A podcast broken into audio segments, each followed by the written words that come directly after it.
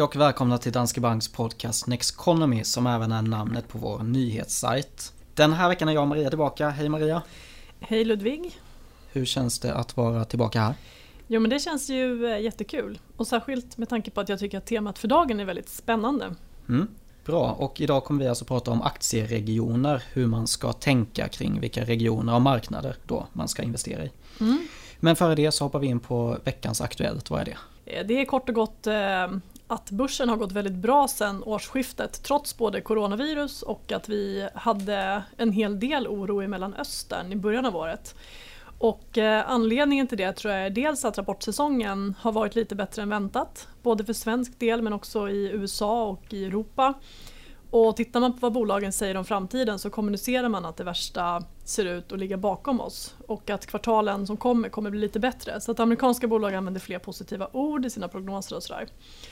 Um, sen så tror jag att det finns en annan väldigt viktig bidragande faktor också och det är att centralbanken Fed har signalerat att om det här virusutbrottet blir ihållande och att det inte bara blir ett tillfälligt hack i tillväxtkurvan utan att det faktiskt orsakar större men på världsekonomin.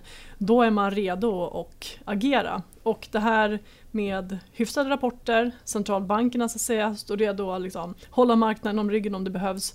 Det har gjort att börsen har stått emot det här väldigt väl och att när det blir små nedgångar så har det nästan känts som att det står ganska mycket pengar på sidlinjen som kommer in direkt och köper för att Stockholmsbörsen är upp ja, 7% ungefär sedan, eh, sedan årsskiftet och ett världsindex 5% ungefär.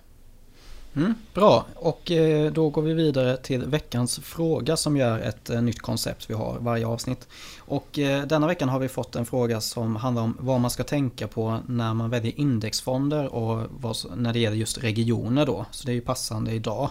Mm. Så hur ser vi på det? Eh, ja, men ska man eh, sätta ihop en portfölj med indexfonder så är det viktigt att man först bildar sig en uppfattning om hur ett globalt index ser ut. Och sen att man försöker efterlikna det i så stor utsträckning som möjligt skulle jag vilja säga. Och bakgrunden till det kan man ju bara säga, det, det börjar någonstans med William Sharp och hans KAPEM här. Han menar ju, alltså det bygger ju mycket på effektiva marknadsteorin, går att diskutera den teorin och sådär. Men att eh, all information återspeglas i aktiekurserna, så enda sättet att slå marknaden är genom tur. Mm. Och eh, om man då tänker sig att det stämmer, då vill man ju ha då eh, exponering åt hela marknaden.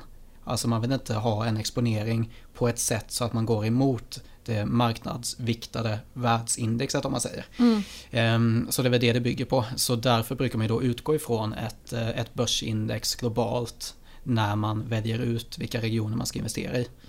Och det är ju det vi förespråkar också då, men med vissa justeringar kan man ja. göra. Och man kan väl dels, det finns ju några utan att djupdyka allt för mycket i det här, så dels så ska man ju se till att om man väljer en global indexfond att man också får exponering mot tillväxtmarknader, för det är inte självklart. Alla följer inte ett globalt index som inkluderar det. Nej. Och tillväxtmarknader utgör ju ja, men lite mer än 10% av Precis. ett globalt index. Och det kan vara bra att faktiskt ha koll på det här för det finns ju vissa indexfonder som eh, följer MSCI World Ja. De flesta gör ju det, för mm. det är ju något billigare såklart. Mm. Medan det man vill försöka hitta, det är något som följer MSCI World All Countries. Mm. För då får man även med tillväxtmarknads, eh, tillväxtmarknad. Alternativt så kompletterar man ju ungefär 10% tillväxtmarknadsfond. Precis, det, det är alternativet då ju. Ja. Och sen så kan man göra justeringar. Jag menar, det är ganska vanligt i Sverige att vi har en homebuyer som det kallas. Att vi har en del svenska aktier i portföljerna eller svenska aktiefonder. Så det kan man ju klart komplettera med också. Sen finns det ju fler aspekter och eh, om man då ser till vilken typ av bolag som ofta ingår i en indexfond så handlar det oftast om större bolag som är mer likvida för att indexfonden ska kunna placera och placera om efter hur mycket kapital som kommer in och vilka bolag som är med. Sådär. Så att, sen man kan också behöva komplettera med småbolagsfonder för att få exponering mot den marknaden. Så att det finns flera aspekter av det här men någonstans grundtanken om man tittar på fördelningen mellan olika regioner så utgå från ett globalt index eh, och bygg ihop den efter det. Och sen så får man titta lite extra på små och stora bolag och så vidare. Precis, så man skulle kunna säga att det man ska ha är väl egentligen ungefär 50% i USA, något mer till och med kanske, eh, som, som någon typ av grund i det. Och sen så får man då utifrån det eh, bygga vidare. Mm. Eh, också beroende på hur mycket du då väljer att ha i Sverige, för då kanske du ska minska USA-delen också. Ja, exakt. Och vi har ju gjort ett helt avsnitt om home bias, det vill säga det här att man investerar mer pengar i den, det land som man bor i. Så det kan man med fördel lyssna på om man Precis. vill höra mer om för och nackdelar med det. Exakt.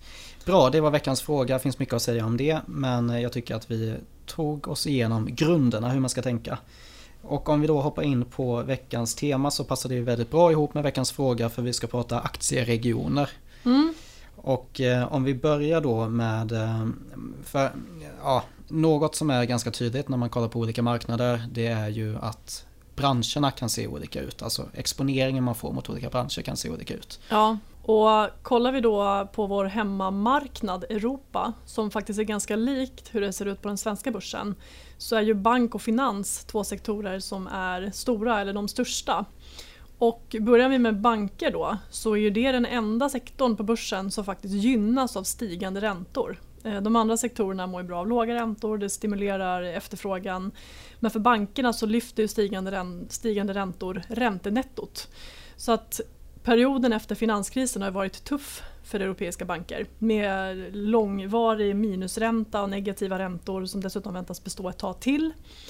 Ehm, den andra då, sektorn som väger tungt i Europa och för svensk del det är industrin. Det vill säga konjunkturkänsliga bolag som lider när man börjar oroa sig för svagare konjunktur som vi gjorde under stora delar av 2019. Men som då å andra sidan gynnas när tillväxten i ekonomin är god eller accelererar. Eh, och i ett läge då som det såg ut i slutet av förra året och när vi gått in i det här där konjunkturen stärks, man börjar se att konjunkturindikatorer pekar uppåt och lyfter det cykliska bolag. Eh, och dessutom då med mer hopp om framtiden så lyfter räntorna. Så att Europa mår ju bra i ett läge där konjunkturen ser bättre ut och det speglas i räntemarknaden också med högre räntor. Sen så eh, tittar man på eh, Europa också så är ju konjunkturen då samtidigt konsumtionsdriven. Så tittar man på europeisk BNP så är ungefär 70% drivet av konsumtion och 30% av industri. Men på börsen ser det alltså lite annorlunda ut. Så där är industri och banker tungt. Precis. Jag bara tänker, bara för att förtydliga med det här med aktieregioner också. Alltså de som vi pratar om framförallt är ju USA, Europa, Japan, tillväxtmarknader och Sverige. Ja. Och då får man i princip med hela världsindex och med den här Sverigedelen också. Mm. Men du var inne på det ehm, med USA och eh, tjänstesektorn och samma med Europa då. För det är någonting som skiljer sig åt om man kollar på till exempel USA och eh, tillväxtmarknader och Kina då kanske framförallt. Eh, ja. Hur ser skillnaderna ut med exponeringen mot tjänste versus inköps eller tillverkningsindustri? Om vi börjar med USA då eh, och eh, tittar på sektorindelningen så kan man konstatera att IT, kanske inte helt överraskande, är den överlägset största sektorn och den utgör nästan en fjärdedel av amerikanska MSCI-index. Och då är det väldigt drivet av fangbolagen förstås, så att det är ju Facebook, Amazon, Apple, Netflix och Google eller Alphabet som de heter. Då. Eh, och sen så har vi hälsovård och finans som kommer med ungefär lika mycket på andra plats. Så att medan Europa då drivs av säga, bank, eh, industri och konjunktur så har ju USA varit mycket mer som konsumtionsdrivet och drivet av de här framväxten i teknikjättarna. Eh, och det här gör ju att marknaderna får ganska olika karaktär därför att Europa blir ju mer ett cykliskt bett och någonting som faktiskt mer liknar tillväxtmarknader. Så att när tillväxtmarknader går bra då går ofta Europa bra. Så de, de är faktiskt mer lika varandra. Och när går USA eller när går Europa och tillväxtmarknader bra då jämfört med USA? Ja, det är ju ett läge där vi, om vi kommer från en period med eh, oro som vi hade för konjunkturen under förra året eh, då drabbar ju det Europa och tillväxtmarknader. Handelskriget drabbade Europa och tillväxtmarknader. Medan om vi då eh, blickar in i det läge vi är nu där konjunkturen ser bättre ut, företagen börjar liksom andas framtidstro igen, då gynnar ju det eh, tillväxtmarknader och Europa. Så att accelererande tillväxt när vi kommer från ett deppigt läge kan man väl säga då. Mm. Men sen så om man då kollar på USA så var ju det en region som vi i våra portföljer hade en övervikt i under stora delar av förra året och det var ju just baserat på den här oron som fanns för konjunkturen.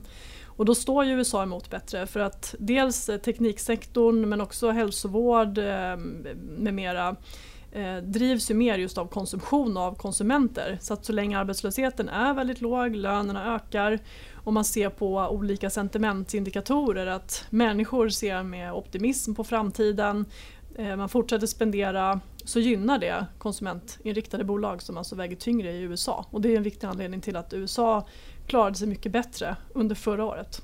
Ja, precis. Eh, och sen så finns det ju vissa skillnader. Man brukar prata om ett värderingsgap eh, mellan Europa och USA. Det har vi i alla fall sett ut så de senaste åren. Ja, det har nog sett ut så under väldigt lång tid. Mm. Och eh, det där är ju lite grann en sanning med modifikation. För att tittar man på översta raden, om vi tar det enklaste då, P talet det vill säga hur många gånger nästa års vinst man är villig att betala för en, en aktie eller för en, ett index då så kan man konstatera att P talet ligger ju i stort sett alltid högre i USA, det är ofta den region som är absolut dyrast. Men om man justerar det där för den långsiktiga vinsttillväxten. Så att man tar P talet och så delar man det med, med förväntad vinsttillväxt under liksom 3-5 år, så att långsiktig vinsttillväxt. Då är USA och Europa faktiskt lika högt värderade. Så att den, på grund av att den förväntade vinsttillväxten långsiktigt i USA har varit och förväntas fortsätta vara högre så betalar man högre multiplar för amerikanska aktier. Mm. Så att man kan inte bara titta på att P-talet i USA är 18 och Europa är 14 och säga att USA är dyrt utan man måste faktiskt titta på hur mycket bolagen väntas växa vinsterna också. Och då är den högre i USA. Mm. En annan sak som jag tänkte på med USA där är ju att eh, USA gick ju väldigt starkt som marknad förra året. Mm. Ehm, det är ju ganska så, eh, vi har väl ändå en tendens att eh, tänka oss, att jag kommer in på det mer senare, med just närtidsbias, vi har en tendens att tänka oss att det som har gått starkt i närtid även kommer fortsätta framöver framöver. Men där, precis som när det handlar om att man investerar i olika tillgångslag, så även inom regioner ser du att man har den här strategiska allokeringen då. Mm. Så att när en marknad har dragit iväg i portföljen, ja men då får man sälja av lite av USA i det här fallet då kanske. Ja precis, det blir en, en rebalansering intra-aktieregioner kan precis. man väl säga då. Eh, för jag kollade på det där just, ja men USA har gått starkt det senaste året. Då kanske man gärna vill eh, fylla på mer i USA. Den tendensen kan finnas. Men om man kollar på hela 2010 då slog eh, USA resten av världen. Alltså om man kollar på det här MSCI World All Countries Index och så tar man ut USA och så jämför det med resten då. Då slog de det 8 av 10 år under 2010 till 2020 då. Men om man kollar på det tidigare decenniet, 2000 till 2010, då var det tvärtom. Så då slog resten av världen USA 7 av 10 år. Mm. Så det, det, visar bara på att det är väldigt svårt att veta hur de olika regionerna kommer utvecklas.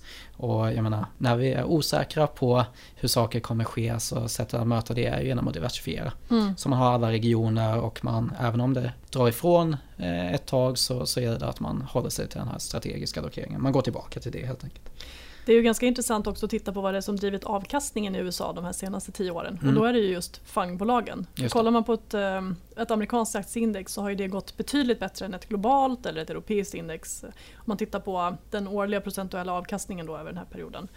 Eh, men en övervägande majoritet av den avkastningen kommer just från fangbolagen. Så det är liksom ett fåtal teknikjättar som har drivit stor del av den här mm. avkastningen. Och, där... och, då måste man också fundera på vad man tror framöver om det. Det är förstås väldigt svårt att säga men tror man att, att de kommer kunna fortsätta leverera eller ser man att det är andra sektorer som ska ta över? Så att, ska man eh, liksom, ta ett större bett på vilken region som kommer gå bättre så måste man också titta på vad är det som driver avkastningen i den här regionen. Mm.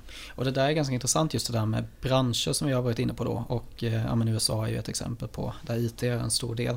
Men det man har kunnat se om man kollar på hur olika marknader rör sig jämfört med varandra. För det är det man vill uppnå på något sätt. Man vill att marknaden rör sig olika vilket gör att man då kan minska risken i portföljen genom ja, att investera i flera marknader. Över tid. Exakt. Ja. ja, men det man har sett då över tid är att i och med att världen blir allt mer globaliserad så det är inte marknaderna i sig kanske som eh, utgör den här största då diversifieringseffekten. Alltså det är inte det som gör att de rör sig olika. Utan det som faktiskt bidrar mest det är att branscherna, alltså exponeringen mot olika branscher som man får genom att investera i en marknad.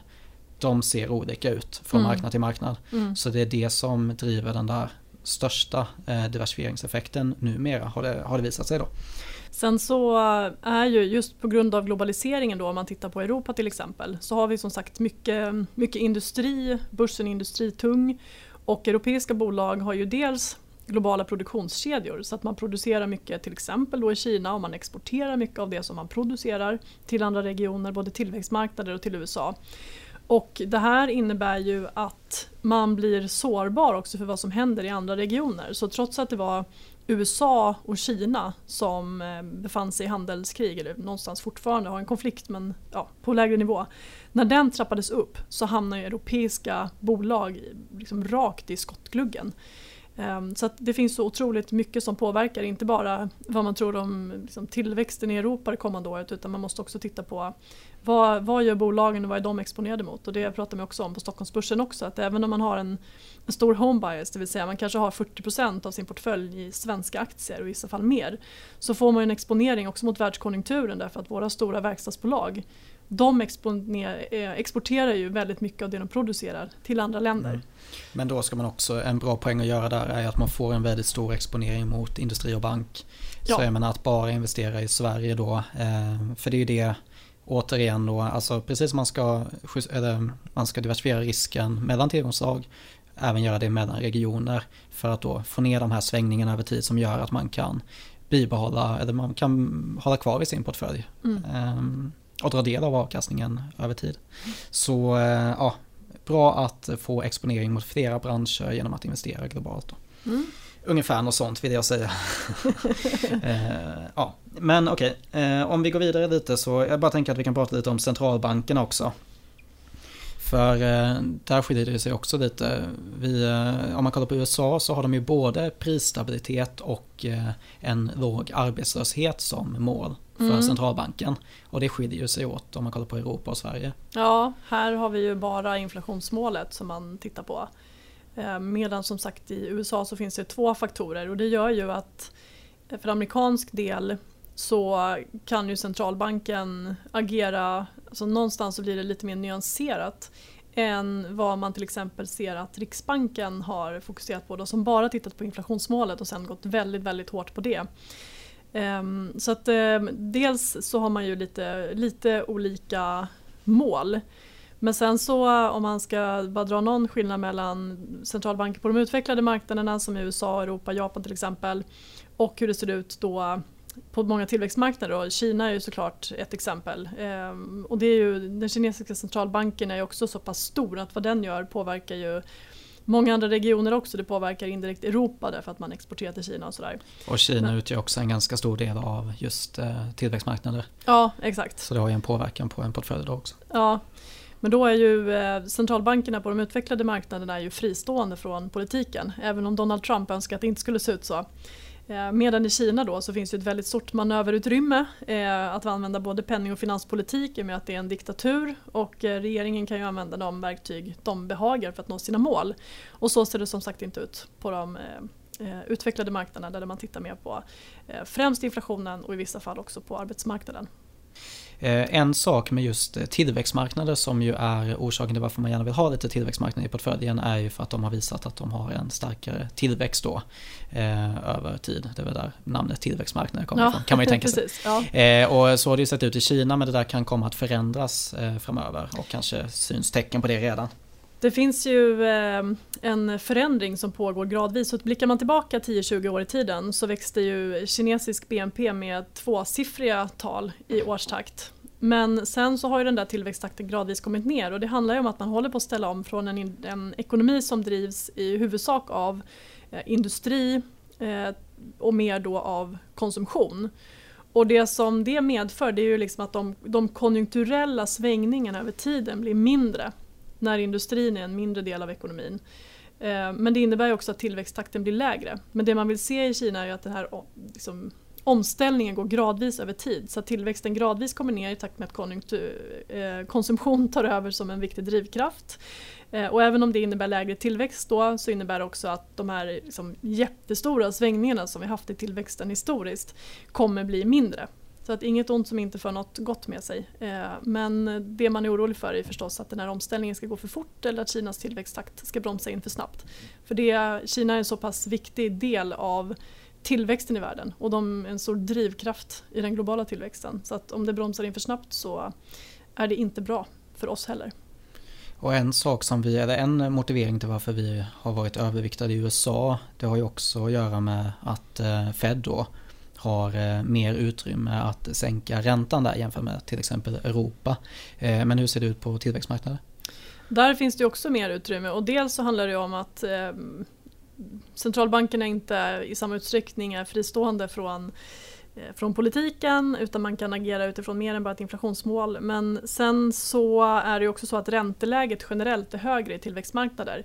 Och det kan man ju se om man tittar på olika typer av räntefonder. Så köper du en statsobligationsfond som investerar i svenska statsobligationer, i europeiska eller amerikanska så har du en ganska låg räntenivå, särskilt för europeisk del.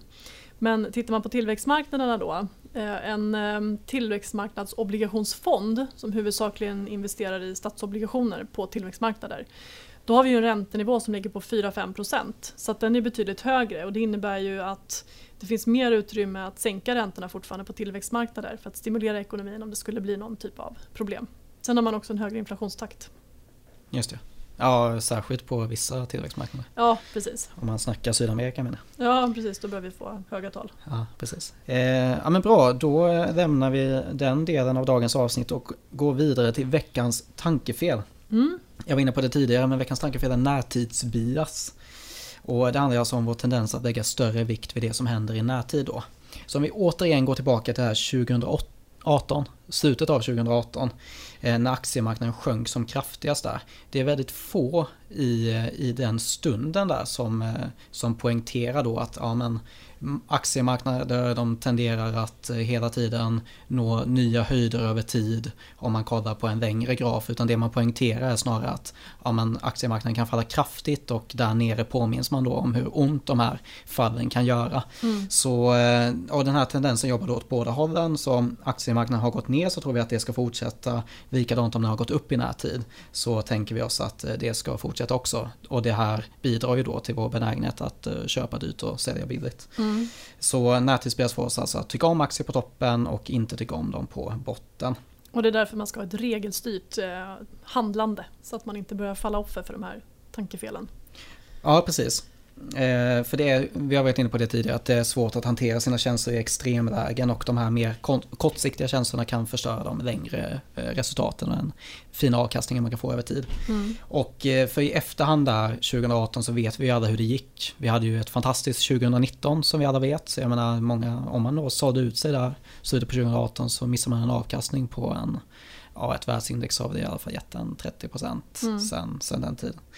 Ehm, men, och det som man ska komma ihåg då när man är i de här extremsituationerna det är ju att se de större perspektiven. Vi brukar ju prata om det, alltså från 1970 till 2019 har ett MSCI World Index, alltså ingen 15-årsperiod har gett negativ avkastning. Kollar man på dagarna så är det ungefär 45% mm. av dagarna som ger negativ avkastning. Kollar man på en 20-årsperiod är det ungefär 5%. Eller 5-årsperiod så är det ungefär 20% av perioden. Men alltså på 15 år så har det aldrig gett negativ avkastning. Och det är därför man inte ska sitta och titta på sin portfölj varje dag egentligen. För att går du in och tittar varje dag då, så kommer du 45% av dagarna se att din portfölj har sjunkit lite i värde och kanske blir lite stressad också om det är någonting som bidrar särskilt mycket till att det går ner. Medan om du tittar mer sällan så är chansen mycket större att du kommer se en värdeökning och att du då inte fattar känslomässiga beslut baserat på hur det gått precis här och nu. Precis. En annan poäng med det här med närtidsbias är ju recession. Eh, just att man lägger större vikt vid, alltså när man pratar recession idag så tänker man framförallt på finanskrisen. Mm, som exakt. ju var extrem på många sätt. Mm. För vi, vi har ju kollat på det där också att om man kollar på i USA eh, alltså de senaste recessionerna där sen 48 så av 11 recessioner så tror jag det är 6 av 11 där börsen faktiskt stod högre efter recessionen. Ja. Eh, och, Precis, så det är en recession, precis som du säger, så finanskrisen var ju extrem. Alltså både inbromsning i konjunkturen var extrem, börsfallen var extrema. Och det brukar inte se ut på det sättet. Och oftast faktiskt om man har ägt aktier en treårsperiod så att man, man eh, äger aktier ett år innan lågkonjunkturen kommer. Eh, sen över lågkonjunkturen som i genomsnitt varit ungefär ett år långt och ett år efter att den tagit slut då, det blir tre år. Då har man i många fall fått en positiv avkastning. Jag tror att i genomsnitt så har man fått en avkastning på 27% under de tre åren. Så att det finns egentligen ingen anledning att försöka undvika att äga aktier under en recession. Nej. Utan ligg kvar, fortsätt äga aktier eh, men var långsiktig. Nej, för det är ju ett argument mot det här med 6 av 11 recessioner då, just att ja, men då är det från recessionens början till slut. Men man brukar ju säga att aktiemarknaden är framåtblickande. Men mm. även om man tar hänsyn till det och börjar ett år före så i majoriteten av fallen så har det ändå gett en positiv avkastning. Då. Ja, någonting som är lite intressant apropå det med närtidsbias det är faktiskt när man tittar på inflation och inflationsförväntningar. För att tittar man på de långsiktiga inflationsförväntningarna så tenderar de att ligga på exakt samma nivå som inflationen här och nu. Eh, och det där kan man dra tillbaka en graf väldigt långt i tiden Och då kan man se att i perioder där inflationen har varit säg 5 eller 10 procent, då har man väntat sig att den kommer vara 5 eller 10 procent om fem år också. Eh, medan nu när den är så här låg och den är under 2% då blir de långsiktiga inflationsförväntningarna precis lika låga. Och det här är ju ett problem för centralbankerna. Att när inflationen här och nu är låg så är det väldigt svårt att få marknaden att tro att den ska vara mycket högre framöver. Så att det här att inflationen är låg och att eh, långsiktiga inflationsförväntningar också bitit sig fast på ett på en nivå under målet. Eh, det där är, en, mm. det är ett problem för centralbankerna när ja. närtidsbiasen ställer till det. Är inte det en självuppfyllande profetia nästan? För att man förväntar sig att inflationen ska, alltså om marknaden förväntar sig att inflationen ska vara låg, ja men då ser de till att den blir låg i princip. Ja och sen blir det ju att det påverkar ju till exempel löneavtal. Ja. Så att eh, om man tittar på löneavtalen som förhandlas fram i fackföreningar till exempel så kollar man ju på vad förväntas inflationen vara och vad ska vi då ha för löneökningar. Och om inflationen bara väntas vara 1,5 procent eller ännu lägre, ja då kommer du ju inte liksom kunna få igenom något löneökningskrav på 3 procent. Så att det där är, det är ett bekymmer. Mm. Kan man säga. Mm. Mm. Ja men bra, då så. Då tänker jag att vi avrundar för dagen. Eh, ni får jättegärna ställa frågor i det här frågeformuläret som finns i avsnittsbeskrivningen. Och kom gärna med förslag på kommande avsnitt där också. Hör av er till Twitter kan ni göra med. Eh, till oss på Twitter till exempel. Ja, precis. inte till Twitter, då får ni nog inget svar. Troligtvis inte. Nästa avsnitt kommer om två veckor igen, så då hörs vi då. Ja, tack för att ni har lyssnat och ha en fin vecka. Tack själv.